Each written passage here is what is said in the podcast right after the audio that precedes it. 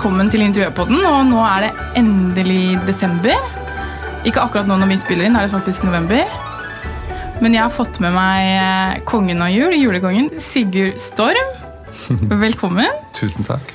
Jeg har gledet meg skikkelig til at du skal komme i dag. Så hyggelig. Like med deg. Ja, jeg har sett deg eh, på ulike reportasjer for eh, mange år siden. Og for et hjem. Jeg visste ikke at det gikk an å bli mer gal etter jul som det jeg er, da. Men det gjør det. Helt klart. Ja. Og så er jeg ikke så glad i å høre at man er gal etter jul, for da får det til å virke som en, at jeg er en sirkusartist. Jeg syns det er hyggelig at man er veldig glad i jul. Jeg elsker det. Ja. Ja. ja, men det var en fin ting å si, for det har jeg ikke tenkt over. Og det, men det, du, du har et bilde i hodet av noe du da tydeligvis har likt, håper jeg. Ja, selvfølgelig. Men hvis mm. noen hører det om en de ikke vet hvem er, han er helt gal etter jul, da Mm. kan de fort se for seg hun der Gjerterud i det julekalenderen. som henger sånne gylander i hjørnet i tak og overalt. Det er det Ja. med krik og krok som journalister liker å beskrive, og sånn Ja. er det simpelthen ikke hos meg. skjønner du? Men har du følt det noen gang av eh, For du har jo hatt en del, det har jo vært noen reportasjer om deg. Du har jo hatt besøk av God kveld Norge, du har hatt mye journalister inne hos deg. Føler du at de noen gang kan gjøre litt sånn narr av deg? Nei, egentlig ikke. Men, jeg har, nei, men det er rart at når man får et par dårlige kommentarer, på, så er det de som betyr mest for deg. Ja. Jeg har hatt veldig lite sånt, egentlig. Eh, men da var det et par som jeg følte at eh, noen som da ikke aner noen ting om meg, har uttalt seg, og da har det blitt litt sånn at jeg har følt meg som en triksartist. Mm. Så det er nesten litt dumt av meg å si det, men det er bare et lite kompleks da, Ja. som jeg burde legge bort. Ja, Men jeg trekker det tilbake. Du er jo, du er Jeg ser jo, du er jo bare veldig, veldig glad i jula. Jeg elsker det. Ja, og jeg har lest mye om deg og de tingene du sier. og Det er så godt med personer som setter pris på høytider. Det er veldig viktig altså, at vi Ja. gjør det. Derfor tror jeg at det setter veldig, veldig pris på USA og de tradisjonene de gir oss. Og hvis vi fjerner det USA har gitt oss, Mhm. da kan vi ta bort de fleste gode minner av filmer og musikk og alt. Ikke sant? Så vi skal være glad i USA, uansett hvem som styrer det landet akkurat nå. Så tror jeg vi skal synes at USA er veldig, veldig flinke. Ja. ja. Men jeg har jo lyst til å spørre deg, eh, for du blir jo omtalt som julekongen i media. Det er i hvert fall det når jeg googler deg, så kommer jo julekongen opp. og Det assosierer jeg med noe positivt, og jeg lurer jo litt på hva kommer det, hvorfor har du fått det navnet? For de som hører på, vet jo kanskje ikke hvem du er, eller, eller har sett eh, hjemmet ditt. Det har jo noe med hvordan jeg gjør tingene, mest sannsynlig. Altså er det jo et medieskapt navn som de begynte å kalle meg på ja, Det var vel kanskje God morgen Norge først. Og så har jo da Dorte vært innom og kalt meg det, og, og flere, og egen serie som da nå ligger på YouTube, eh, som da heter Julekongen Sigurd Storm. Den må dere forresten gå og se på, men den er laget dessverre litt i hastverk det året, og i litt i feil format, så den fikk man ikke ut på den måten man ønsket. Men der ligger det jo tips og ideer og alt om hva man kan gjøre fra A til Å. da. Ja, det er jo veldig fint da, at man kan gå inn på YouTube, søke på julekongen, Sigurd Storm. Sigurd Storm. Ja, eller Sigurd Storm Julekongen. Da vil det komme, eller på Google, da, så kommer det opp masse rart. ikke sant? Ja. Men er det en serie hvor du gir tips og triks, eller er det en serie hvor du får julestemning og du på en måte følger deg i hverdagen, eller? Det er en serie som jeg har, det er jo mitt manus og gjort av meg, og mange lurer på hvorfor har du med de barbiene. Tror du at du er en barbie? liksom? Nei, overhodet ikke. Jeg tenker at det er gøy å ha, ha de med for å de demonstrere litt hva Åse Kleveland. Ja, altså, det er en mørk dame med mørkt hår, mørk barbie, og der står hun og jeg i grytene. Og, jeg tuller litt med disse her, altså barn også kan synes det er gøy. Eh, For det er ikke alltid man skjønner hva jeg selv har tenkt, og det er ikke alltid jeg selv skjønner det, faktisk. Så det er greit å sette litt ord på det. Eh, Og det har jeg gjort for et par år siden nå, og eh, jeg klarte jeg ville gjort ting annerledes hvis jeg hadde hatt bedre tid. Det var ekstremt mye å få mulighet til 25 episoder om seg selv og skal skrive manuset. Jeg tror ikke det egentlig er greit. jeg. Nei, men det wow, imponerende. Ja. ja, man må se det først. Men det er, det er veldig veldig tøft. Jeg tror egentlig ingen andre har faktisk gjort 25 episoder, faktisk. Og det er ganske, det er mye jobb. Det er, og det er sitt eget hjem, og alt skal dreie seg om meg. Og det er ikke alltid man klarer å Finne innhold. Nei, det er mm. Jo, det er ikke noe problem å finne ut hva som er interessant. Men så har man selvfølgelig jobbet sammen med en fantastisk gjeng fra Dagbladet. Som øh, fem stykker som øh, selvfølgelig hjalp til å, å si ting. Det har de jo måttet gjøre. Hvis ikke så hadde jo jeg gått helt ja. Men det gjorde jeg jo. Jeg ble jo helt øh, mm. Jeg blir jo ikke sliten. Det er en fordel. Jeg blir aldri sliten. Det er fyrverkeri av en eh, person. Jeg tør i hvert fall svare på at jeg ikke er sliten. Det Ja. er ikke så lett. Og da henger du under øynene av og til. Det får du bare gjøre, da. Ja. Ja. Det er jo morsomt at du nevner disse Barbie-dukkene. For de har jeg lagt merke til. Og jeg syns det egentlig var veldig veldig gøy første gangen jeg så, så de. Jeg tror det var på et bilde du hadde lagt ut. eller noe sånt. Og så hadde du liksom en historie bak eh, Sånn som du nevner her nå, da. Det er liksom en historie bak det. Mm. Og det er litt morsomt. Ja, og det er egentlig noe jeg har brukt for min blogg, da, som er eh, sigurdstorm.blogg.no, er jo det at jeg har brukt disse dukkene til å demonstrere ulike hendelser som har skjedd. da. Blant annet at en sånn snefresemaskin en gang kom kjørende etter meg og mente at jeg hadde kjørt for fort. Og plutselig så kom han fort etter meg og skulle rive meg ut av bilen. Gæren! Det var min kjæreste og jeg den gangen. Da satt jeg ikke i førersetet. Og da tenkte jeg etterpå Gud, det var så, jeg ble så påvirket av den hendelsen at han mente at vi hadde kjørt for fort forbi ham. da. At han da skulle liksom rive meg ut av døren. Jeg satt jo fast i sikkerhetsbeltet, og, og min eh, da, kjæreste da, han kjørte jo videre. og jeg hang da ut av bilen og i sikkerhetsbeltet og skrek. Og da ble det startet vel med at jeg tok da to dukker og en bil og demonstrerte i bloggen. Og dette her ble jo på en måte ledd av, for det var tragikomisk, så Ja. innmari at da tenkte jeg at jeg må faktisk demonstrere litt. Men det har jeg egentlig puttet litt bort og glemt, og så bruker jeg det veldig sjelden. da. Fordi du har dem ikke stående fremme hele tiden. Barber har jeg jo, og det er Ja. sånn etter bare reportasje på TV, men, eh, men jeg husker ikke hvor det var engang. God morgen kan det ha vært? Ja, det var det. Eh, For to år siden så fikk jeg da tilsendt etterpå 250 barbie fra hele landet. Wow. Ja, og da hadde folk misforstått litt. for jeg, jeg, jeg kan godt samle på noen som er spesielle, men jeg fikk jo, det var kjempehyggelig, men jeg måtte jo etterpå bruke 400-500 kroner på hver person som ville ha barber. For jeg sendte ut på bloggen er noen som vil ha. Så brukte jeg masse penger på å sende rundt omkring. Så Ja, jeg det sto går jo i, nei. Nei. Til slutt så tok jeg og ga til et barnehjem, og de ble jo superglade. Åh. Ja, så det var... eh, Så med barber har jeg fremme, og de putter jeg jo naken oppi en glassvase plutselig. ikke sant? Jeg, Ja. jeg gjør mye rart med det. Det er viktig, folkens. Ta frem leker, gamle minner. Putt det på noe morsomt, heng det på en gren. Skap et eller annet morsomt av det. og Lek litt med interiør. Lek med interiør, og du må leke litt med livet, for noen ganger kan det være så seriøst og kjedelig. Mm. Jeg vil ikke bli voksen. Nei, ikke jeg heller. Dessverre. Du er så ung. ja, og det er jo du òg. Herregud, det ser jo ut som du er 20. Gange med to og plusse på snart fem. Ja, det ser i hvert fall kjempebra kjempebra Du er veldig snill. Ja. Men eh, nå er det jo jul. Eh, Vi skal jo snakke om jul. Eh, jeg syns jo det er årets beste tid. Mm. Absolutt. Eh, Men det er det. ja, det er det. Det er, har noe med det at da kan du liksom dra inn alt mulig i huset. Du fyller huset med, med varme, da, syns jeg. Mm. Mm, og så, Jeg har jo et spørsmål. Ja. Eh, stemmer det at du har forsikra juletrærne dine for en halv million?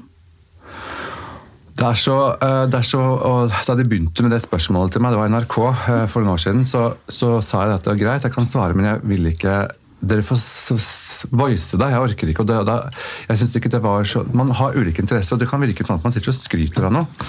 Eh, ikke sant? Dette har vært min interesse. Det er faktisk slik at det er ikke juletrærne, det er eh, det hovedtreet i eh, stuen min som eh, egentlig er forsikret til den prisen. Mm, så det er pynten som har den verdien For deg? Mm. Ja. Ja. Og det er jo alt med hva, hva det faktisk koster å kjøpe julepynt. For du kan få samme uttrykket som jeg sier til folk ved å kjøpe masse rimelig pynt. Hvis du kjøper disse kornettene, det er disse glasspyntene som knuser lett, som har den der eh, kronen på toppen. Mm. Eh, Så kan de være, ikke sant? De tyske som er, får sertifikat med seg, de koster opptil 1500 2000 kroner per stykk. Og så kan du få polske, som koster under hundrelappen. Skal være like fine nesten. Wow, jeg visste ikke at det fantes en verden med så dyre julekuler. Det finnes en verden for alt dyrt. Ja. Det er det som er så rart og, og holdt på så interessant. ikke sant? Om det er malerier, du vet jo, ikke sant? om det er barber, kan du få til flere millioner per stykk. Det er en verden for alt som koster. Og så har jeg da utstyrt med noen diamanter jeg da har fått av min mor opp gjennom tidene, for eksempel? Av- På noen av disse dukkene og gjort ting med disse tingene. Som har gjort at da har jeg fått sertifikat på hva ting er verdt. og så har det da blitt et beløp at hvis noen kommer og rapper det treet med seg så er det, det er så svært. Ja. det, er, det kommer aldri frem på TV så stort det er. Det ser bare smalt ut når man filmer det, og det vil aldri komme frem sånn som det er. Kan jeg komme på lunsj nå i desember når du har fått opp juletreet? Klart det. det Så hyggelig. Ja. Det, er, det er min drøm er å komme hjem til deg og se det juletreet. Jeg har sett bilder Altså, det er bare så fantastisk. Takk, men I år så skal jeg også ta det ned tidligere enn jeg gjør. Og jeg skal, jeg skal gjøre det jeg kaller å- sette julen på hodet. Ok? Eh, fordi jeg skal, eh, jeg skal leie ut til studenter, eller til noen ja, unge mennesker i den leiligheten. Og jeg skal videre Så, jeg jeg har en annen leilighet jeg også leier ut, som de vil nå pynte til jul to steder for de som leier. Og de elsker det jo. Og jeg selv vet ikke helt uh, hvor jeg skal bo uh, enda. Så jeg driver og planlegger, og for å klare å få et spark i rumpa til å gjøre noe helt nytt, så trenger jeg å bare kvitte meg med i hvert fall den jeg har sittet og bodd i nå. da. Så på den måten at, de, at noen andre bor i den for meg. Det syns jeg er veldig koselig. Ja, Så spennende. Så skal du pynte til jul for de, og så skal du ikke selv bo der i jula. Nei, jeg skal gjøre det enklere nå, når Ja. de skal bo der. Så skal jeg, jo, men jeg har en liten, liten, liten fløy i den leiligheten som jeg kommer til å bo midlertidig. Til jeg da holder på i disse leilighetene. Og så, og så bestemmer jeg meg hva gjør jeg. Skal jeg dra av gårde? Eh, eller skal jeg bli? Eh, så har jeg noen venner som har planer for meg. Hva de mener vi skal gjøre sammen i året som kommer. da. Så gøy. Jo, egentlig, men det er ikke meg. Det er ikke meg å holde på sånn. Men bare prøve noe helt nytt. noe helt nytt kan ende i utlandet. Vi kan, altså, jeg vet ikke, jeg har masse kontakter rundt omkring. Men jeg er egentlig laget for å, å bo på en gård, tenker jeg, og stå bak en interiørdisk, en antikvitetsbutikk. Det hadde jeg elsket. Men det er liksom litt sånn, jeg er to forskjellige verdener. Jeg har en mor som vokste opp her i Oslo eh, på en eh, veldig veldig fin måte. Så har jeg en far som kom fra holdt på å si null og inntil til Alpene i Østerrike. Og, og kom da hit og gjorde det veldig veldig bra, og hun kunne fortsette sitt fine på, Vi kunne få det, ha et bra liv. Og jeg har fått en sånn fot da, der jeg elsker å sjaue og holde på årene, samtidig som veldig mange ser på meg som han som bare har det så bra hele tiden. Og det, kanskje, kanskje jeg har det, men det er også jeg har et veldig behov for å være sjaueren. Holde på, holde på, spikre og hamre og Men det kan jeg virkelig se for meg, det du sier nå. fordi eh, jeg har jo sett at du er utrolig kreativ. Du pusser opp. Du har ikke du laget en, en sånn gipspeis, eller Du er veldig sånn Du gjør ting sjøl, og det liker jeg. Alle ting rundt meg gjør jeg egentlig selv. Ja, så jeg kan se for meg deg på en gård hvor det hele tiden er et eller annet du kan pusle med. Ja. Så kan du ikke selge leiligheten i Oslo, så kjøper du deg en gård langt ute på landet. Jeg tror ikke jeg vil ha noe hus. Eh, Jeg føler at mine foreldre hadde flere eiendommer, og jeg synes at til slutt at det, var så mye, det er så mye å, Selv om det er folk som gjør ting, så er det så mye å ta tak i. Eh, og jeg Ja, det er jo alltid det, noe. Ikke sant? Og jeg så det fra jeg var liten og tenkte at å, jeg skal ha hus, jeg skal også ha, jeg hadde svømmebasseng og, og, og forskjellig sånt. Så tenkte jeg at jeg skal også ha det når jeg blir voksen. Men nei, det skal jeg faktisk ikke ha. Eh, Jeg har hatt det, og jeg har sett hvor mye jobb det er med det. Og jeg har tenkt å bo i leiligheter der noen andre tar seg av ytterveggene. eh, tror jeg. Rett og slett. Jeg orker ikke. Og så det der også har jeg hatt folk litt for close oppe meg i forhold til et overfall for noen år siden, som kom da inn i mitt hjem. og det, det har også jeg skrevet om eh, på bloggen, og jeg håper jo fortsatt at det skal kanskje spre seg at folk skal finne ut av det. og da, da står det et blogginnlegg som man kan søke etter hvis man vil, og det er kjempet for å overleve i mitt eget hjem. Og det har også gjort at jeg ønsker å være litt bort fra et bakkeplan. da. Men aldri egentlig over en annen etasje, for annen etasjen er den fineste etasjen i en gård. Mm. Den blir også laget finest, høyest himling osv. Så, videre.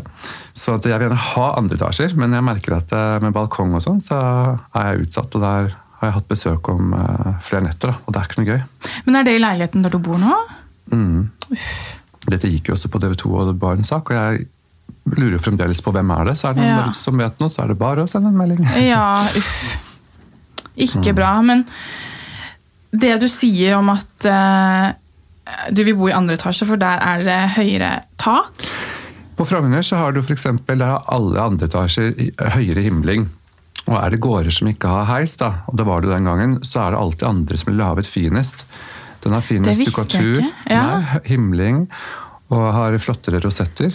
Så kunne du mye lettere du kunne se ansiktet til dronning Maud da hun var rundt i hest og kjerre. Tredje etasje så så du bare hatten hennes. Fra andre så hadde du kontakt med trærne. Eh, Så kan du tenke deg alle hus og på slottet overalt, så er den fineste balkongen den er jo i andre etasje. skjønner du? Ja. Den fineste etasjen. Jeg har aldri tenkt på det sånn før. Nei, det, er, det er sånn det er da, for gammelt av. Ja, men Er det sånn at de ikke ville bære alt eh, det tunge opp sånn unødvendig langt, så derfor så fikk de det fineste i andre etasjen, og så ble det liksom dabba da jo lenger opp Det har nok eh, vært mer sånn at det, du ofte var folk med å bygge gården selv. Mm. Og da ville du bo langt opp, men kort ned. Vi vet jo alle sammen hvordan det er å gå ned mange trapper og ha glemt solbrillene våre. Ja, og hvis man har barn og eldre mennesker, de vil jo ikke tredje og fjerde. Så det er andre generelt uansett som alltid eh, ja, Meglerne sier da, så ofte går for den høyeste prisen. Mm. Det visste jeg faktisk ikke. Jeg har bodd i Oslo selv, og jeg bodde i en eh, bygård, men jeg hadde jo toppetasjen. da. Femte etasje, eller var det sjette, uten heis. Og Mm. alle etasjene hadde jo vann tre meter takhøyde. Jeg gikk og gikk og gikk. ikke sant? Og har du med deg tre-fire poser da, med mat, så ah. Ikke sant? Men du kan si, det er jo kjempeflott. Nå er ikke jeg sånn overglad i å ha solen ut som lyser opp med mine gulv og støv utpå kvelden. Jeg liker å ha lampelys på, men så er jeg ikke glad i den engang. Men det er flott selvfølgelig å bo høyt oppe med sol og enda mer lys, kanskje. Så man skal ikke kimse av det, og, og at jeg nødvendigvis har rett. Men andre etasje fra gammelt av har vært finest, og, og når du da også ikke har heis, så, men så er det veldig ofte det går for høyest pris, som sagt. Fordi at det er eh, for barnefamilier og eldre, så er det, kan det bli vanskelig. Men dette er jo en helt annen debatt. Dette Ja, det var akkurat det jeg skulle si. Ja, jeg føler at vi skal ha en egen episode som er dedikert til, eh, til din stil og det klassiske. For du har utrolig flott leilighet, og jeg tror du har mange gode tips å komme med sånn i forhold til eh, ting å gjøre selv. Veldig mye, og da kan jeg komme med masse rundt hele året, og i forhold til bolig og løsninger og alt. Så jeg kan Ja. fortelle mer om dette med gårder og, og hus og bygninger generelt. da. Mm. Vi dedikerer det til en episode i januar eller februar. Gjerne. Og så holder vi oss til jul. Men eh, jeg har jo sett at du har ikke bare ett tre, du har flere trær. Juletrær. Har du fortsatt det? Ja, det har jeg hatt eh, egentlig alltid. Og da er det da på balkongen min, og så har jeg utenfor spisestuevinduet mitt. Og så, og hvis lyden forsvinner litt, så er det fordi jeg sitter og beveger meg. Jeg har sagt at han må holde seg i ro, man klarer ikke. Nei, jeg, jeg, går, jeg, går, jeg går ikke på kino, jeg, altså, for å si det sånn.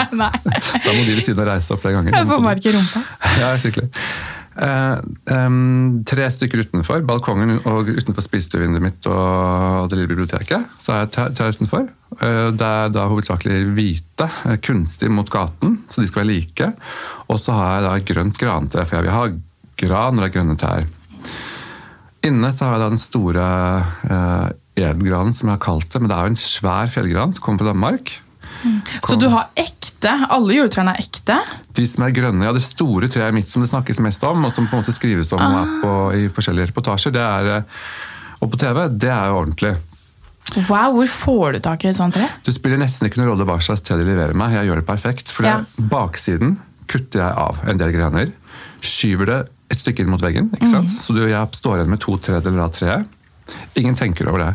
Så borer jeg hull der det mangler grener oppover og nedover. Og spikker litt på de ulike grenene og stikker de inn. Da kan de sitte sånn nesten. ikke sant? Og da, En gren suger jo vann fra der det er vann å suge fra. Så når da hovedstammen blir fuktig inni, så suges det vann. Og mitt tre har så mye pynt, for jeg har 1500 gjenstander, at det er umulig for meg å legge meg ned på gulvet med en sånn kjole som dekkes rundt hele treet av pynt og, og perlebånd og, og sløyfebånd. Så da er det en trakt som går fra foten og opp. Og den trakten stikker bare en centimeter nedenfor høyden på øverste høyde på foten, sånn at når den surklingen av vann som drypper, stopper, da vet jeg at vannet har nådd slangen. Ah, Så da vanner jeg med champagne og sitronbrus og vann. tuller du? Nei, champagne og sitronbrus eh, er eh, eh, Jeg må le litt, for akkurat nå fikk jeg en déjà vu til, til vår fantastiske Åse Kleveland. Hun var hos meg en jul, vi spilte inn kalenderen blant annet, og kommenterte at hun syntes det var så fantastisk med den champagnen. Og vi snakket om dette her, fordi det, er, det gir stivelse til grønne, og det var min mormor som rådet meg til det en gang i tiden. En fantastisk tips. Ja, det er det, skjønner du, for det er veldig stivelse i det. Sitronbrus er nok hakket bedre. Jeg sa til Åse Kleveland nå, at du må ikke åpne en flaske for å gjøre det, men det er veldig bra. Ja. Så da kan du prøve med to grener hvis du ønsker å finne ut av det. Jeg har jo selvfølgelig gjort det. Eh, Den ene står i vann, og den andre står i eh, sitronbrus og champagne i 14 dager. Og begge overlever, eller? Den ene drysser mye mer enn den andre. Ja. Den som har fått vann, drysser mye mer. Men jeg er veldig glad for at du nevnte det der, fordi eh, for typ, ja, kanskje fem år siden, jeg husker ikke når du hadde den reportasjen hos eh, God kveld Norge eller God morgen Norge, jeg er litt usikker hvor jeg hørte det, men da Dorte nå, det var kanskje nå julen som bar. Nei, det er lenger siden enn det. Det var før jeg fikk mitt eget juletre. Og da lærte du meg det at man kan bore eh, hull i treet og stikke inn ekstra pinner. Ja. Og det syns jeg Altså, amen to that. Ja, det mener jeg, altså. Der, du, du kan det med alt. Du kan, det er bare at vi ikke kan gjøre det med oss selv.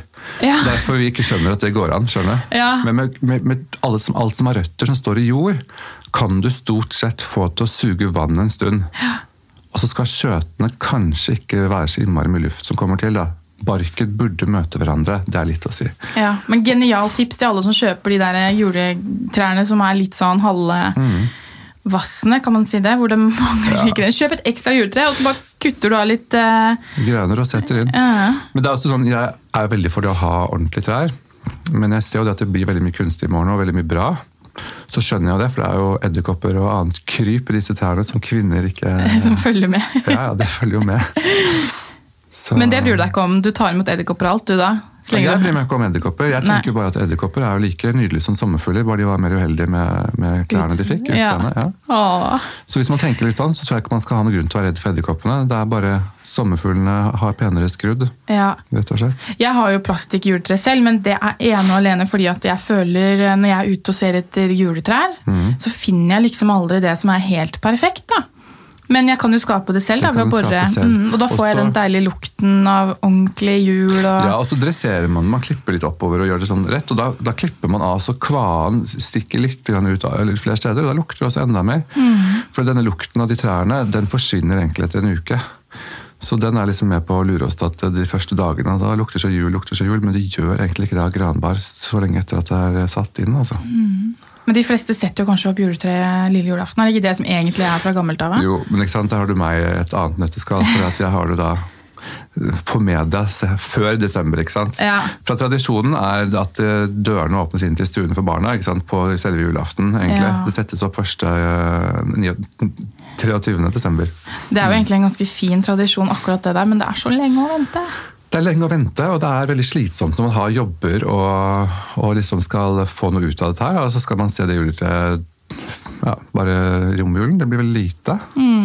Så få det inn tidligere, folkens. Det er Mm. Ja. bare å kjøre på. 1. desember, opp med juletreet. Ja. Og så har jeg en veldig sånn fin tips til dere som kanskje føler at de ikke har tid til å ta inn julen. Det er å gå på Maxbo og kjøpe et armeringsjern. Det er et sånt tykk stråletråd som går um, begge veier, som er laget som et sånn kryss, da, som man legger nedi et gull når man skal støpe et gull for å, armere alt sammen. Ja, ja, ja. Kan kjøpe sånne ulike størrelser, lene det opp til veggen, sette på rød sløyfer, lysslynge, granbar, henge opp kuler, postkort, klyper Så sette fast tingene. Det kan du ha på en hybel, så du er aldri unnskyldt for ikke ha jul. Ja, Det skal jeg faktisk lage selv hjemme. Det var Ja. veldig hyggelig. Det er, ikke sant? Og det er veldig veldig enkelt å gjøre. Eller så kan du gå og kjøpe en, en ring, som jeg ofte sier, dette med å lage en uro i taket. Og, og uh, henge opp en, kan være en stor bamse som minner om jul, men å sette på en rød sløyfe bamsen, en svær kule, en morsom tog, altså en hest, et eller annet. Lage en uro. Du kan gå og kjøpe en rockering. Heng det ut på balkongen. Få frem litt kult. Det er, det er lov, det, altså. Stilig. Man kan jo også lage sånn, ha kronelys på de. Absolutt. Mm -hmm. For skikkelig sånn gammeldags lysekrone. Det kan du absolutt gjøre, og så kan du ta og henge opp eh, lyslynger. Du kan gå inn på min blogg og se nå, så kan jeg vise litt bilder av, av sånne ting. Ja. å ja. Du må oppdatere når vi er ferdig med podkasten, skal du rett hjem og blogge. ja, ja, jeg må det. Du Har jo eh, tre, to-tre trær, var det det du sa? Tre? Inne er det tre, og ute er det tre. Ja. Og har du, på de tre trærne du har inne, så har du ulike fargetemaer på alle tre? Det store i stuen har jeg ikke noe fargetema. Det vil si, der, har jeg, uh, der er det 15 gjenstander, og der er én av hver ting. Og det er veldig fint. Wow! Én av hver ting. Ja, for det er veldig mange som har det der butikkpreget, at du skal ha ti sånne og ti sånne. ikke sant? Det er altså veldig lekkert og gjennomført, men det er noe med å, det der en av hver ting, det gjør noe helt spesielt. Og det blir et veldig mange til meg hvorfor er det sånn, hvorfor er det sånn, og hvorfor blir det, ser det sånn ut, og hva er det du gjør? Så jeg har tenkt mange ganger hva er det for noe, men det, er, det blir et mye mer eventyr over det der. Og det butikkskapte er jo ganske stilig, det er jo litt sånn eh, kommersielt, ikke sant? Men det eventyret er vel det jeg jeg tenker ikke over det selv, men jeg skaper veldig mye eventyrstemninger da, med de tingene jeg gjør. Mm. Så Det er nok, synes jeg er fint med de en av hver ting. Så har jeg da i spisestuen et hvitt kunstig tre. Der er det sølv og hvitt og grått som går igjen på det treet. Og så er det da, skiftes det om i spisestuen eh, nei, mot romjulen til et lite grantre som da har veldig mye rødt. Ja. Og da er det sløyfer og eh, røde sløyfer i lyskronen med granbar og røde gardiner kommer det i det rommet som bare har vært hvitt og sølv. Ok, For du har det hvitt og sølv hele desember, og så når julaften kommer, så bytter du? I romjulen så bytter jeg faktisk om. Mm. Ja.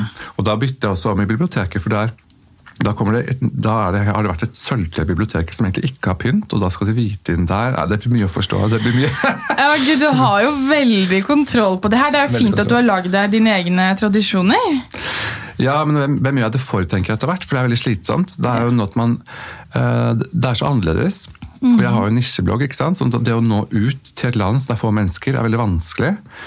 Eh, og jeg ønsker veldig å inspirere folk, for jeg ser jo det at de som følger meg og kommentarer jeg får, det, det gir jo meg utrolig mye å få de tilbakemeldingene. Mm, og du er veldig inspirerende, det skal du vite. Det er veldig koselig, men, også, men så er det veldig, også veldig vanskelig å se at det er veldig mange som når frem og bare kjører på med alt mulig annet. Bloggere som er 20 år som mange ikke kan noe, holdt jeg på å si. Ja. Og så sliter vi heller livet av oss med kanskje en kunnskap som er veldig Det er, det er veldig vanskelig i Norge. Det er eh, vanskelig å nå frem. Her er det på en måte det middelmådige som når frem. Det som er mer vanlig, på en måte. da. Så, Men jeg syns jo det er viktig, de tradisjonene som du lager nå, jeg synes jo det er viktig at du gjør det for deg selv òg, da. Jeg gjør det. jeg Ja. gjør det. Men ikke sant, som jeg sier, at så lenge jeg på en måte ikke har Jeg gleder meg over det, men det er også slitsomt. Men jeg har jo ikke barn, og jeg er jo singel. Mm. Så Sigurd søker kjæreste blir neste episode? Ja. Sigurd søker kjæreste. Mm. Ja, så koselig. Det er kjempeenkelt å ha med å gjøre. Ja, det sier han med et uskyldig blikk her borte. Ja, ja. Nei da. Men uansett, det er um, Desember er en veldig lang måned. Mm. Og du begynner da å pynte gjerne i slutten av november. Jeg har jo for TV begynt før i år, så har jeg sagt nei til forskjellige ting. Fordi Ja. at jeg da skal endevende og sette julen på hodet, som eh, planlagt, rett og slett. Ja. Så, men det blir jo jul forskjellige steder i år òg. Men det blir ikke like mye. Men så er det også, det går en reprise eksempel, alltid på, God morgen, nei, nei, på TV Norge og Fem. Som er fra Herlig hjems åpningsepisode. Interiørprogrammet der. Stemmer det, du har vært med der, du. Ja, jeg var den første episoden, og jeg, den gangen allerede så sa jeg at jeg ikke ønsket å ha jul der. Jeg ville bare vise sommer, for jeg hadde vist jul i så mye blader og magasiner før. Men de ville ha julen, så da fikk jeg to episoder med sommer. og så har den da gått som en tradisjon eh, i alle disse årene. eh, hele tiden, og Der er det en etter meg også, så fra en gård som heter Charlotte. Hun har fantastisk koselig jul, og det er kontrastene da, fra min jul over til hennes. Sånn er det jo i Herlig episoder. Ah, da, den skal jeg faktisk se på da, og så få skikkelig julestemning etterpå. Ja, Den er veldig hyggelig, og det er Birgitte Lund Nakken som er eh, programleder, og jeg er veldig glad i henne. Så der, Den har da også blitt solgt ut til Belgia og til ulike land, og der kom, sender de meg meldinger hele året, og jeg er dubbet på belgisk, og det er veldig sånn rart. Ja. Det er veldig rart at man skal måtte, ha programmer og, og være der ute i andre land, mens her hjemme så Er det ikke så så er det, så er det ikke alle som vet hvem jeg er. Det er ikke det som er Nei. målet mitt heller. skjønner du? Men det er veldig rart å bli solgt ut og få seg dubbet på belgisk, og er i Tyskland og i Danmark, og de bruker meg i forskjellige programmer i Sverige, og det er liksom Men det er jo fordi du bare skaper en sånn Jeg har jo ikke engang vært i leiligheten din, men jeg har sett, eh, sett bilder og, og sett filmopptak, og jeg føler at du skaper en sånn ja, sånn som du sier, da, magi, et eventyr. da, Man kommer inn der, og du ser på juletrærne dine. Du har på en måte Du nevnte i stad, du har én ting av, av eh, Altså, den ene tingen er den ene tingen da, som henger på juletreet. Og det er veldig fascinerende, fordi jeg ser at det er så fort gjort at man Sånn som jeg så fint skrev det på Instagram selv, at eh, i år så skal ikke jeg ha eh, det jeg kaller en Instagram-jul. Ja. Jeg vil ha et juletre hvor det henger ting man har minner fra, og du kan se på den kula og bare åh gud, husker du da, den kjøpte jeg når jeg var i, i, på ferie med, med familien, eller den fikk jeg av den. Og det er så fint, da. Jeg føler at du har, har mye av det. Jeg har veldig mye av det. eh, Og blant annet så har jeg sant, i juletreet Min far døde av kreft for ti år siden. Eh, 2010, og der har jeg i hjertet av treet så er det et hjerte man kan åpne, og der er det bilde av ham. Så uansett overalt så har jeg minner, og hver ting av de 1500 tingene er jo eh, fra mitt barndomshjem og opp, og det er jo veldig mye av møblene og svære speil og kroner og alt sånt ting jeg har i, i, i min, mitt hjem, er jo fra min, mitt barndomshjem. Så er som du har arvet, ja. Ja, så jeg har bunn- spunnet videre på mye av det, og jeg har lagre med møbler. Så det blir jo aldri ikke sant? Det er eh, ja, veldig, veldig mye. Jeg har så mye møbler og så mye ting og interesse for disse Ja, det er for, Ja. Det er for mye. Du burde nesten jobbet, eh, hatt en sånn eh, gjenbruksbutikk, vet du. Folk har foreslått det også. ja. Ja. For det virker veldig fint. Alle tingene du har, er veldig sånn pene ting. Og så ser jeg også du kommer med tips om hvordan man kan reparere ting. Ja, ja, kjøpe billigting og få det fint og, og så videre. ikke sant? Ikea er jo bare topp. Ikke nødvendigvis for å få billige ting fint på gammel måte, men supplering Alt kan brukes. Mm. Du bytter ikke møbler til jul, du beholder møblene dine sånn som det er. Noen av tingene, noen malerier og noen stoler som har rødt trekk, f.eks., det bytter jeg ut. Men det har ikke blitt brukt så mye i bildene folk har sett tidligere. Men det har blitt spilt inn en serie frem til uh, nylig som ikke er klippet, og vi vet ikke hvor den kommer. og Det skal være litt hemmelig, men den kommer. Og der er det så mye nytt fra den leiligheten fra hele året. Og jeg kommer til å vise alt mulig. Uh, og der ser man jo også at jeg bytter ut enda mer. Men så liker jeg ikke å bruke andres ting. Gå og hente inn, for Det kan jo holde på seg hvem som helst bare gjøre låne av butikker. Mm. Så her er det kun åtte puter og ett bilde jeg har lånt gjennom disse ti episodene. Mm, resten er møbler du har, har hatt på et lager? Ja, som jeg har på mine ja. Mm. Så jeg har sånne rekvisittrom og lagre som jeg går og henter lysestaker og ting. da. Jeg har jo spart fra jeg var fem år.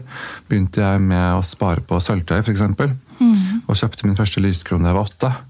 Og mor var jo helt hva, skal du med dette her? Så jeg, men jeg må jo ha det jeg òg, og jeg må jo begynne en gang. Å gud, tenkte de, ikke sant. Ja. Dette er jo ikke normalt. Nei. Og det er det ikke. Så. Nei, men det, du har jo fått, du har skapt en, en, samling som er eh, ganske stor, men også ganske fin. Jo takk, men den er også veldig slitsom. Det er ja. veldig slitsomt, For at jeg leter, jeg har bøker som jeg skriver ned alt jeg har i de forskjellige rommene. og her og der. I julekartongen min, som er 30 stykker, så står det linet opp hva som er i hver kartong. Det er mye jobb, det er arkivering. Uh, og det er de som jobber med meg, sier jo at jeg gjør en jobb som egentlig fem-seks personer gjør. Mm. Er, altså er, så jeg, At jeg blir hissig og gæren innimellom og jeg glemte å tenne det lyset, og der lå det en kontakt i det hjørnet, så dere ikke det da dere filmet? Det er jo det er ikke noe rart jeg blir sånn, for jeg er så, jeg er så perfeksjonist på en eller annen måte. Ja. Også, men så unnskylder jeg meg etterpå hvis jeg blir sur. da. Ja. Jeg mente ikke det sånn, men ikke sant? For jeg er veldig sånn, jeg har veldig kontakt med mine egne følelser og har en selvinnsikt på sånt. så jeg ja, jeg er en skikkelig hissigpropp. Altså. Det Henger deg opp i detaljer? Ja, absolutt. Det foregår, for det foregår altfor mye inni hodet mitt. Mm. Men så lenge du sier unnskyld etterpå, så går det greit? tenker jeg. Jo, men Da sier min mor du kan ikke bare si unnskyld og si samme tingen om igjen etterpå. Så sier jeg jo, fordi jeg, en, jeg beviser en bevissthet på at jeg vet det ikke var bra. Og da kan jeg begå den feilen om igjen. Jeg tror vi mennesker faktisk ikke forandrer oss så mye i løpet av livet. Vi er nok, vi blir faktisk bare verre og verre og mer like oss selv. Ja. Men så viktig at vi i hvert fall da tar oss i det, og selvfølgelig noen ganger kan gjøre litt med det, men at vi også da kan heller unnskylde og det var faktisk dårlig sagt. Mm. Så hjelper det enn, enn å ikke si noen ting. Mm. Jeg kommer sikkert til å være sånn alltid. jeg blir bare verre og verre. vi blir bare mer og mer like oss selv. Jeg tror det, altså. Ja. Veldig ofte. Gjennom hele desember har du mye besøk av venner og familie. Lager du store julemiddager? Nei, jeg har veldig, veldig mye besøk av venner og familie, og det har jeg. Eller ikke mye, men jeg har det. Mm -hmm. Men jeg lager ikke middager. Jeg er ikke noe god på det. Det blir for stress for meg. Men du liker å dekke bordet? Ja, jeg dekker bord, det liker jeg. Men eh, det er dessverre ofte sånn på bloggen min så ser bordene kanskje hyggeligere ut enn hva de gjør i praksis. Når folk kommer inn døren, jeg har slengt inn i noen eh, og så har jeg slengt inn noen sånne pølser og noen medisterkaker i ovnen. ikke sant? Og surkål og rødkål fra poser, det syns jeg faktisk er best. Og poteter, brun saus. Og i brun sausen min skal jeg bare fortelle folkens, den er bedre enn Hellstrøm sin. Der tar jeg Toros brun saus. Jeg blander inn en, en god skje med honning, buljong og rødvin. Den sausen er bedre enn Hellstrøm sin. Nå blir han sikkert dritsur. Sånn, ja, er du gæren? Er du gæren? Slår alt. Så den, er, den, har jeg lurt så mange til å tenke at uh, ja. så jeg får det til, altså, men jeg, jeg, kan det jo ikke. Nei. Jeg er ikke noe flink til å lage mat, jeg heller, men uh, i jula så er det jo hyggelig da, å invitere. Ja. Men jeg syns den delen med å pynte det er det som er mest kos for min del. Det er jo det. Aner ikke hvordan jeg lager en ribbe, men jeg liker jo ikke ribbe. da. Det, si ribbe, det kan jo ikke jeg gjøre. Det, det skal vi jo ikke spise. Nei, fysj, ribbe. Ja, der har muslimene faktisk gjort det riktig alle år. De har unngått den der grisen. Ja, men det er sant. Den skiller ut urin i kjøttet, og det er den syrlige smaken vi syns er så god. Er det sant, eller? Ja, de, de, det er jo det de gjør. Det kan dere google, folkens. De, de skiller ut urin i kjøttet, og det er en grunn til at man da etter hvert dropper det svinet. Det er et svin, rett og slett. Mm. ingen som vil spise juleribbe. Tallene for salg eh, før jul nå kommer bare til å gå rett i bunn. Ja, men altså, du vet at Bare å spise smågodt er jo, da får du det gelatin som er fra skjelettet til grisen. Så jeg mener, mm. hva er best? Jeg spiser smågodt nesten hver dag, så jeg, jeg, vet ikke. Nei. Jeg er et dårlig eksempel på å være vegetarianer. Jeg funker ikke helt. Men jeg prøver. men du liker tradisjonell jul best, da? Den røde jula. Det er i hvert fall mitt inntrykk. Ja, men så har jeg også som jeg sier, rom med spisestuen min som da ikke har noe rødt. Mm. Og passe på det. Og det er litt sånn synd, for jeg ser at det er en sånn miks i reportasjer overalt som skal gå opp, og folk glemmer det røde. Jeg hadde en gang uh, Mai så, som skulle ta bilder hos meg. Og da de kom over terskelen min og så at det var rødt, så sier de til meg at vi vil gjerne ha de rommene som ikke har rødt. Og da sa jeg at nei, da gir jeg det heller til hjemmet. Ja. Uh, ukebladet hjemme. For det, de har faktisk uh, flere hundre tusen lesere mer enn dere. Så da, nei, det skal være alt. Eller, altså, da tar man med det røde. Ta hele pakka. Ja, så jeg har, det er viktig for meg. Og da heller rett og slett gå ut og vise til folket, leserne, at sånn syns jeg det er hyggelig at det skal være, enn om de skulle være fancy i et uh, interiørmagasin. Så, men jeg tror at en del ser også etter hvert at det er veldig mye Du er ganske mye yngre enn meg, men du har også vokst opp med rødt Ja. i julen. Jula skal være rød, det skal Ja. være stygge juleduker og Jeg kommer aldri til å dra inn. Ja, men Jeg kommer ikke til å dra inn liksom en sånn gammel sånn broderiduk. Det kommer jeg ikke til å gjøre, men jeg har veldig lyst til i år å ha Nå har jeg jo fått et barn, jeg har en liten sønn på ett år. Oi, så heldig du er. Ja, takk. Han er helt fantastisk. Så i år så har jeg lyst til å lage jula Ja. for han, da. Ja, ja, selvfølgelig. Og da er jo Altså, du inspirerer meg veldig på det. Så hyggelig, Men da blir det kanskje noen dorullnisser, men han er kanskje for liten ennå til å lage de? Ja, de, var jo, de har jo juleverksted i barnehagen nå. da. Han er 14 måneder, og de fortalte at eh, nå driver vi og lager julegaver og julepynt. Altså, Jeg begynte nesten å grine. Jeg gleder meg så Ja, det fælt skjønner jeg også. til å få de dorullnissene. hva? Man kan sette opp en liten sånn stilleben, et hjørne hjemme der man har de, de såkalte stygge tingene. som du sier. Jeg har en nydelig kalender fra min mormor som hun har brodert med til å henge pakkekalender på. ikke sant? Som jeg har et sted med en engel fra henne der det står 'husk på meg når jeg er borte'. ikke sant? Åh. Og disse gamle, nydelige tingene et sted samlet. Og etter hvert så skal jeg bare si, apropos eh, din sønn og dette med dorullnisser, at jeg har eh, i fjor så laget jeg for første gang et eh, fat med engler. Og da begynte jeg med eh, en engel som jeg synes er nydelig, som jeg selv hadde laget, eh, som heter Hermine. Det er også en av døtrene til min søster. Og jeg har henne med meg her. Så fikk jeg da av Pernille, som også er min søster til Hermine, også min niese, en så nydelig nisse jeg aldri har sett maken til, og den er en dorullnisse. Jeg skal legge den på bloggen min. Så, Så koselig. ja, nå skal du få se den her. Jeg skal finne den. Den er eh, Den står Den er der. Og har fått opp over hodet, så oh, ser du. Ja. Er den ikke søt? Det er en liten hvit engel. En dorullnisseengel. Med et hår og en kule som er plassert på toppen med papp, som er hodet. Og så har hun da denne glorien over hodet. Med, den må bare folk se, for jeg synes det er et godt tips. Det skal jeg legge ut på bloggen. Og så bak så ser du faktisk en gammel engel fra mitt barndomshjem. Det er fra min mormor. Den der har Dorte Skappel eh, laget hun til meg i fjor da hun da God kveld Norge var hos meg.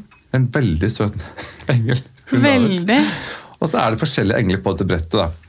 Jeg syns det er imponerende at du klarer å ta vare på alt det her og, så, og få det inn i interiøret sånn som du gjør i jula. Må det. Å, se du har med, vet du hva? En sånn hadde mormora mi på juletreet, som hang på toppen av treet. Hadde hun det? Ja, Nå kommer Sigurd her med en sånn nydelig Jeg vet ikke, Hva skal vi kalle det? En fe? Nei. Det er jo den som jeg har laget som er Den har jeg laget fra scratch, og det er må isprinsessen Hermine. den. Det er egentlig ikke lov å ta på den, da. Så du må ta under. Ja, ja, ta under. Holde den fast. Men Har du lagd denne selv? Den har jeg laget selv, så Da har jeg sydd kjolen, og så har jeg satt kantet med kaninpels. Så har jeg Mm. så plukket fuglefjær. Så har jeg Swarovski-krystaller rundt håndleddet. eh, Og hals, halsbåndet, en liten sølvperle. Og så har hun fått da en diamant eh, i hårbåndet. Jeg ser det. Er det litt- ekte? Mm. Altså En diamant er diamant. Eh, det, det, da trenger man ikke å se ekte. Da, da er det ekte, kan, du kan liksom. ikke se ekte champagne. Da er det museerne. champagne er champagne. Men den- Eh, så det er, det er ekte hår og ekte sten. og så er det Ja, det var mitt hår, som jeg sa. Og du har klippet av ditt eget hår? Ja, ja, ja. Hun hadde ikke noe hår da hun ble født. Eller jeg kunne ikke ta hennes hår den gangen. Skjønner du? Ja. Og hun skulle jo hete, hete Nei, være, være den isdronningen eh, og ha hår, så jeg måtte da ta mitt hår. Ja. Kanskje, og da så har jeg laget ansiktet med leire og hendene og alt. da. Utrolig fin. Takk. Du er skal- flink til å lage ting. Jeg har alltid, alltid holdt på. Jeg har sydd bunadene mine, jeg har skulpturert, jeg har malt. Jeg har gjort alt. Jeg ville ikke at noen skulle lage noe for meg, så jeg har sydd og holdt på Ja. med veldig mange sånne ja, bunadting. og Ja. Kreativ type. Det er nok veldig det, altså. Du jobber jo med noe riktig. Du jobber jo ja, altså med interiør. Du har jo holdt på med interiør i mange år, så det er jo virkelig helt riktig for deg det du driver med. Jo, men det er likevel et godt tips til folk. Det er heller at Når du har så mange sider, som jeg har, da, som jeg kunne velge av Og det har vært fra å synge, og gå i Sølvguttene til jeg vant Norgesmesterskapet i disko. Altså det har vært veldig mange sider som jeg kunne valgt å jobbe med. Så klarer du ikke å fokusere og bli best. Eller, altså, jeg har ikke noe konkurranseinstinkt heller, så det har aldri betydd noe for meg.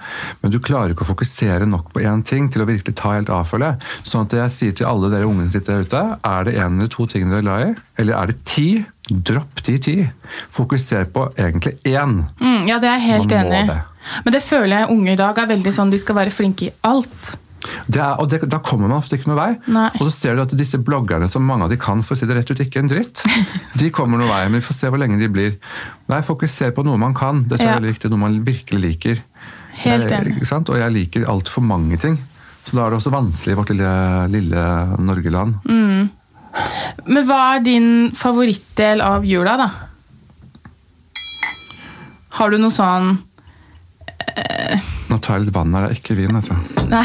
Jeg tenkte faktisk at jeg skulle ha med en sånn champagne i dag, siden det er første innspillingsdag. Jeg har jo hatt flere her i dag.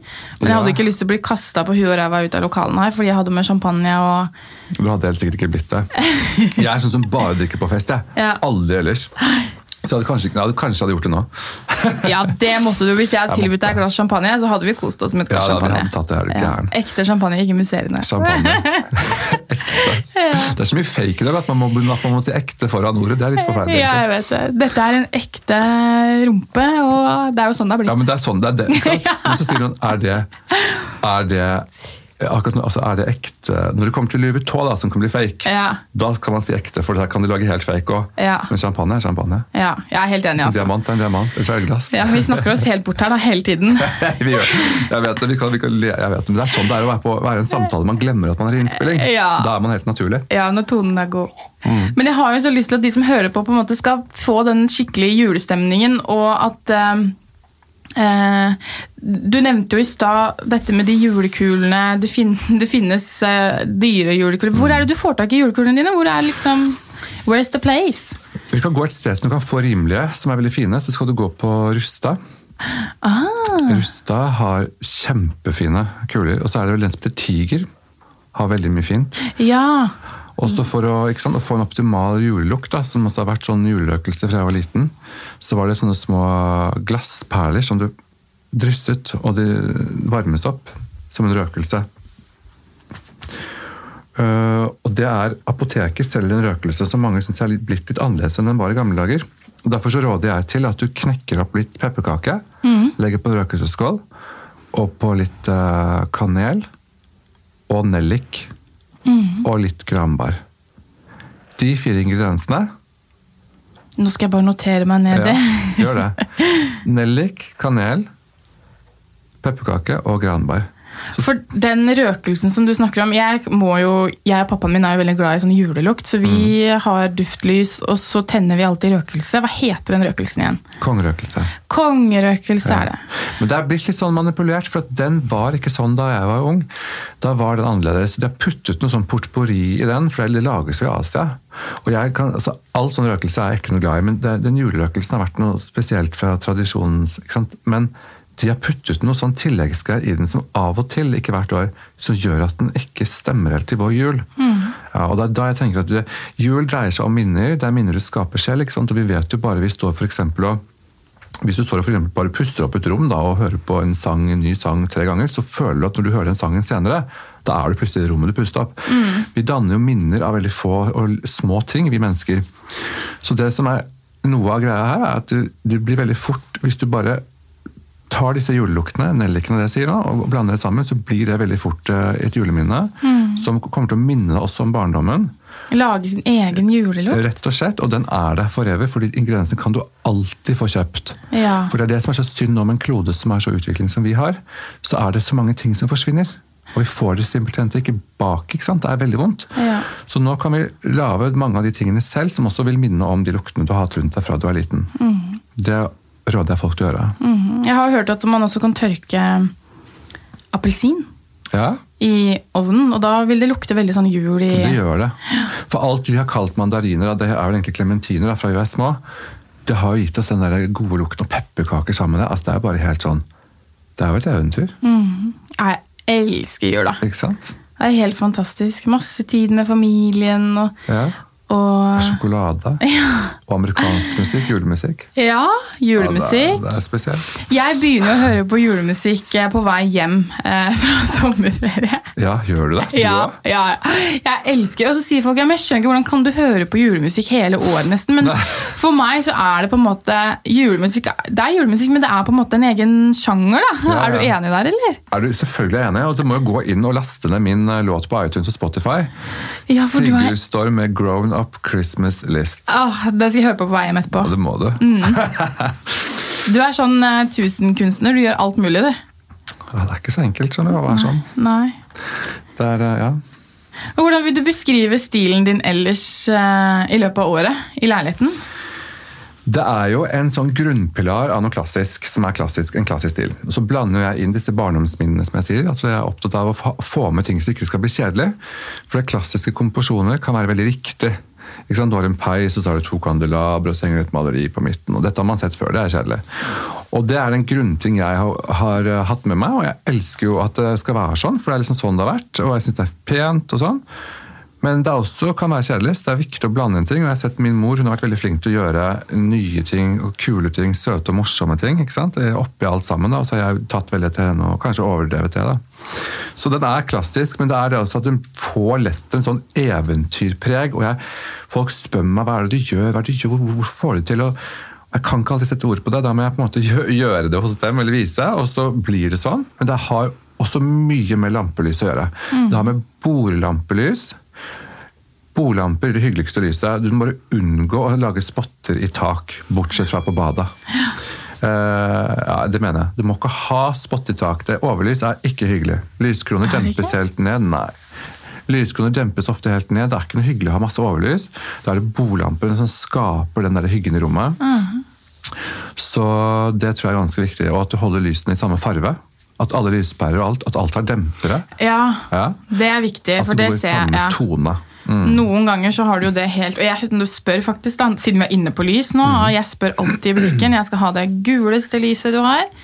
For jeg liker ikke de hvite, nye pærene. Nei, og det er, blir et problem, for det, det må heller ikke bli oransje. for det blir for, øh, Øynene har ikke godt av det. Det blir for koselig, alt jeg på å si. mm. Eh, nå får vi disse nye Nei, ikke halogen, nå sier jeg feil. Disse nye mm, nei, LED-pærene. Så jeg forsker meg i hjelp på hvordan jeg skal gjøre det med lyskroner som har hatt vanlige Mignon-pærer. Hva gjør vi? Så jeg, På julelys så har jeg fortsatt gamle glødetrådspærer, for det er det de gamle pærene heter. glødetråd. Uh, og, og jeg tror at Kina etter hvert klarer, for det er de som produserer her i utgangspunktet, uh, å få det til. Men de er ikke helt i mål ennå. Så mm. Nei, for det ser jeg jo når jeg er ute og handler eh, Fram til i fjor, da, for da kjøpte jeg et tre med ferdig lys på, og da måtte jeg ha det som var gulest mulig. Men tidligere så har jeg aldri funnet noen lyslenker som har noe særlig fint lys, etter at alt ble Nei, og på Men- de nye trærne så er hver, hver lyspære lyser litt for kraftig. mm, Det blir det- veldig sånn spot. Ja, Og det har en skjær av noe grønt og noe gult eller noe hvitt i seg, som ikke er den der glødetrådspæren som har vært i alle år. Den glødetrådspæren har det lyset som du får fra en vanlig flamme. Og en flamme, brannflamme, kan aldri forandres. Den vil være en flamme forever. Så når vi, når vi mennesker klarer å etterligne den, det har de gjort i en pære i alle år, så blir lyset perfekt hjemme, og det er det jeg er ute etter. Det må Kina klare å skape for oss.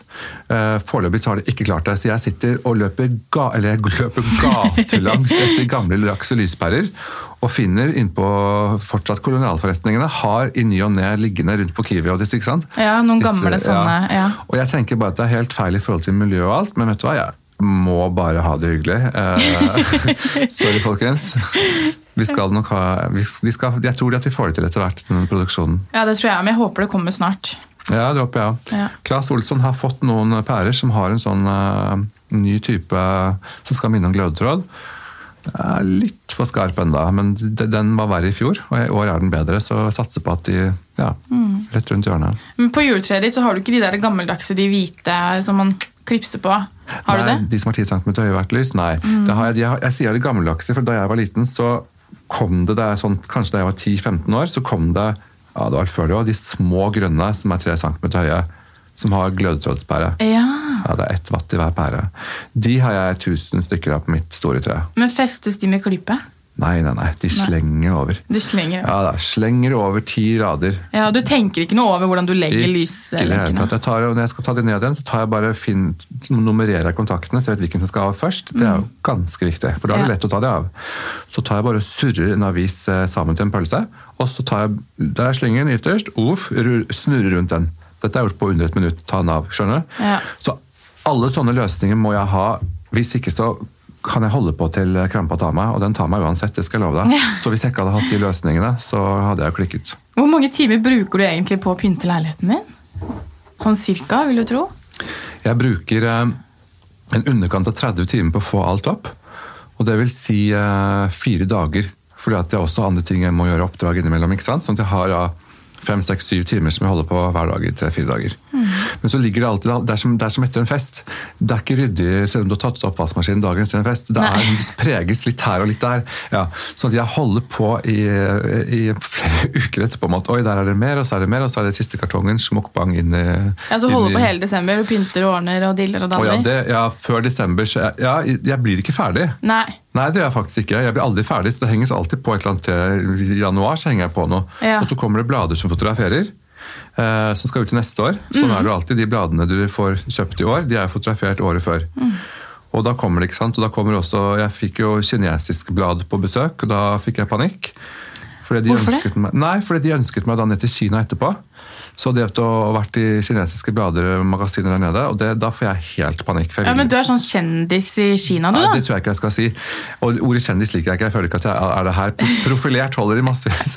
Litt profilert. Influenser, for det er du faktisk. Du har blogg og du har Instagram, så du er en influenser. Det, det må jeg nok svare ja til, ja. Ja. Men, eh, men det der med Kina, da fikk jeg panikk. Mm. Helt panikk. Vi har lyst til å komme ned her, vi ønsker at du sånn og sånn. Jeg tenkte bare, jeg, jeg orket ikke å oversette resten. Jeg fikk bare panikk. Så du droppa hele greia? Ja, og Ja. Da, det var liksom, da, det var også apropos blader som kommer og fotograferer i januar. Så nei, den droppet jeg. Du tar ikke ned jula før i midten av januar, du da? Til slutt så drysser jo det store treet også.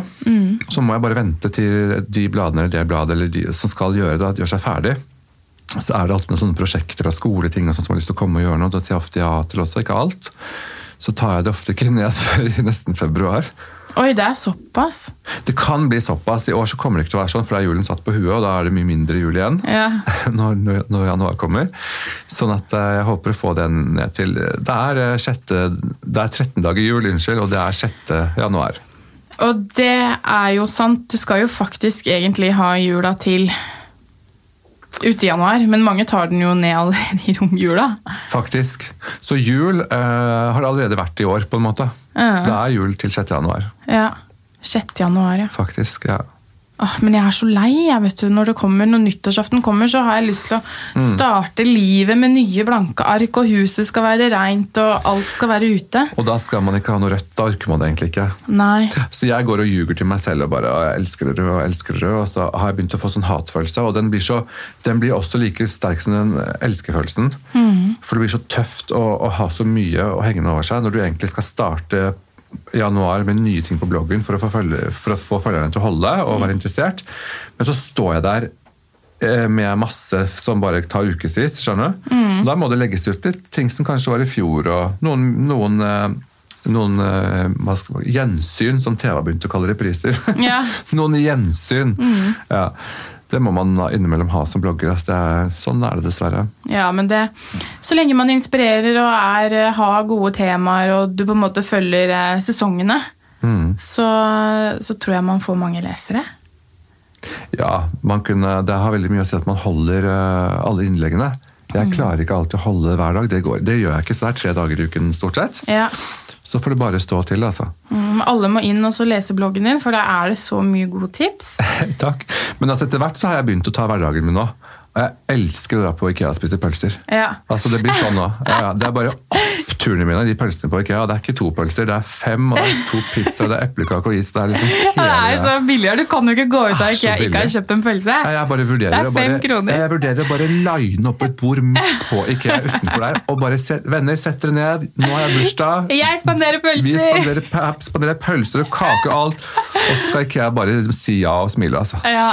Bursdag på Ikea. Serr. Ja, men Det er faktisk Dritkult. helt innafor. Det hadde vært så gøy. Hvis jeg hadde tatt barnebursdag der også. Du kan bare spise så mye du vil, og du kan leke på det der i lekerommet. da. Ja, ja, ja. Kanskje du skal ta det opp med Ikea? Nei, Jeg har faktisk tenkt å spørre om jeg kan bare få løftet ut et bord. Ja, at vi sitter der og hygger oss med ti stykker. liksom. Men Handler du mye på Ikea? Jeg er mye på Ikea, føler jeg, men det er veldig mye for pølsene. Men det er alltid et eller annet sånt du skal ha noe for det, som jeg driver og leier ut også. Jeg har flere enheter som jeg har Jeg trenger en pute, jeg trenger, jeg vil at de skal ha det hyggelig i leiebarna mine. Så jeg er mye på Ikea. Så skap og kommode til disse stedene er jo, er jo, er ting jeg kjøper på Ikea. Og så selv har jeg jo jeg har ting fra Ikea. Kjøkkenet mitt er jo Ikea. Ja, det er Så, det. Ja, er du gæren? Ikea er fantastisk. Hvilken farge har du på kjøkkenet ditt? Det har jeg aldri sett kjøkkenet ditt. jeg. Off-white. Ja. Ja, det er så lite kjøkken. Nei, dette er fem-seks kvadratmeter. Ja. Men det ser man ikke så godt. Det er ikke det som er fokus, kanskje. jeg tar bilder. Det har jeg ikke tenkt på. Nei, du må ta med bilder av Ja, hele faktisk. stedet ditt. Ja, det er stort sett stuene jeg viser. Ja, faktisk. Mm. Veldig spennende. Takk, så hyggelig. Og så har jeg en ting som jeg spør alle gjestene mine om, og det er om du har en favoritt favorittgjenstand, et møbel eller en interiørting som har fulgt deg i mange år. Nå vet jeg jo at du har jo mange, men kan du, har du én favoritt? Og en historie bak den? Du ymtet litt innpå det på forhånd. Vi snakket litt om det. Da tok jeg med den her. Det er ikke noe møbel. Den uh, Nei, herminedukken min. Ja, Snøengelen. Ja. um, nei, vet du hva, det kan jeg faktisk svare på, for det er så ekstremt mange favoritter. Og det er sånne svære speil og lyskroner og gamle nydelige skap og chatoller. og det er så... Det er så mange av disse tingene. Ja. Du som er flink til å bruke eh, ting du har arvet, og som har Altså, Jeg skjønner at ikke du kan svare på det. Det er så vanskelig. Ja, du har så mye. nå merker jeg at det spinner rundt i hodet mitt. Ja. det er akkurat som, at det, nå- akkurat som at du har seks barn, og så skal du få spørsmål hvem liker du best. Ja. Skjønner du? Eller at du skal favorittisere det ene benet ditt fremfor det andre benet. Nei, da du er like glad i begge to. Altså, Det går simpelthen ikke. Ikke. Men i eh, de norske hjem i dag så er det som regel sånn at alt er nytt. ikke sant? De går på Bohus, de går på eh, Skeidar, og så Mm. kjøper de alt de trenger av møbler på en eneste gang, og så har de ingenting som har fulgt de fra, fra gammelt av. da. Eller som de har arvet, eller som har en historie bak seg. Det tror jeg er veldig deres egen skyld mange ganger, for man kan det, men det er mange som glemmer det. Så gjør det enkelt, og så er Mm. tingene pene fra Ikea og Bohus og disse stedene. Så byttes man heller ut oftere, for det er rimelig. Men det er da man skal kontakte meg. Så skal jeg komme inn, jeg, og, og, og det de ikke skjønner, er at de skal ikke bruke mye penger på å bruke meg. For at jeg får innkjøpspris på ting de ønsker å ha. Ja. Så plutselig så har de bare fått det hjemme, og de fleste som bruker meg, de får helt sjokk, fordi at jeg også kommer inn og skjønner den psykologien ganske fort med hva er det du liker, for det er folk som ikke vet det selv. De skjønner ikke hva de liker selv. Og det, det har jeg faktisk eh, Jeg har truffet spikeren på hodet stort sett, og da er folk glad etterpå, så bare si ifra. Jeg Så kommer. Ja. Men du er ute hos, eh, hos folk og kan hjelpe dem, men har du noen forespørsler om å komme hjem og pynte til jul? Ja. Ja, du har det. ja. Gjør du det? Ja, jeg skal det. Jeg gjør det. Å, så gøy. Jeg gjør det, men jeg kan ikke det så mye som jeg har, har ønsket det selv. Nei. Så jeg har en plan om at jeg skal etter hvert få noen som hjelper meg å gjøre det. For jeg hadde også Hadeland glassverk som jeg pyntet for, og der hadde jeg folk som kom og hjalp og gjorde de tingene. Da satt jeg også og laget uh, små duer i hvitt papir som jeg sa bredt i sånn, klippet i sånn, og så satt det noen barn og laget mange. Noen barn, altså Det var kjempekoselig ungdom, da. Og så Noen brettet dit, noen gjorde datt, og så henger noen det på, og så er det jeg som står for hvordan til slutt alt ender, og ja, hele uttrykket. da. Og det har jeg vel en sånn tanke om at, eh, at jeg har lyst til å gjøre etter hvert, men det er kanskje ikke det skal skje i Norge. Jeg vet ikke. Nei. Jeg har ingen ordentlig svar på noe nå, føler jeg. Men hvis noen liker juletrærne dine, så kan de faktisk kontakte deg, og så kommer du hjem, pynter et juletre for de, da. Ja, og så må det ikke være så Oi, nå er jeg høyttaleren. Jeg vet ikke om han i det hele tatt har hørt meg. Jeg, jeg, Jeg hører deg. Herregud, den har vært på siden. Jo, Det behøver ikke å være så hva er det folk sier, eh, pompøst, eller at det bør ikke være så mye, for det trenger det ikke. Men det er noe med det uttrykket som jeg gjør med disse perlebåndene og snører og sløyfer, som gjør at det blir en egen greie. Og det må man heller ikke ha, men jeg, jeg tror nok at jeg skaper noe eget for folk, og det, det er bare å si fra. Veldig fint. Mhm. Nå er det jo desember, og vi må runde av fordi vi prater oss helt bort. Vi har vært inne på mange temaer som ikke har noe med jul å gjøre. Også. senere. Vet. Ja, vi, vi skal ha en til episode senere, og så vil jeg bare ønske alle en riktig god jul, og anbefale dere å gå inn på bloggen til Sigurd Storm, og se på eh, YouTube på Julekongen. Kjempehyggelig. Ja, tusen takk. Takk for at jeg fikk komme.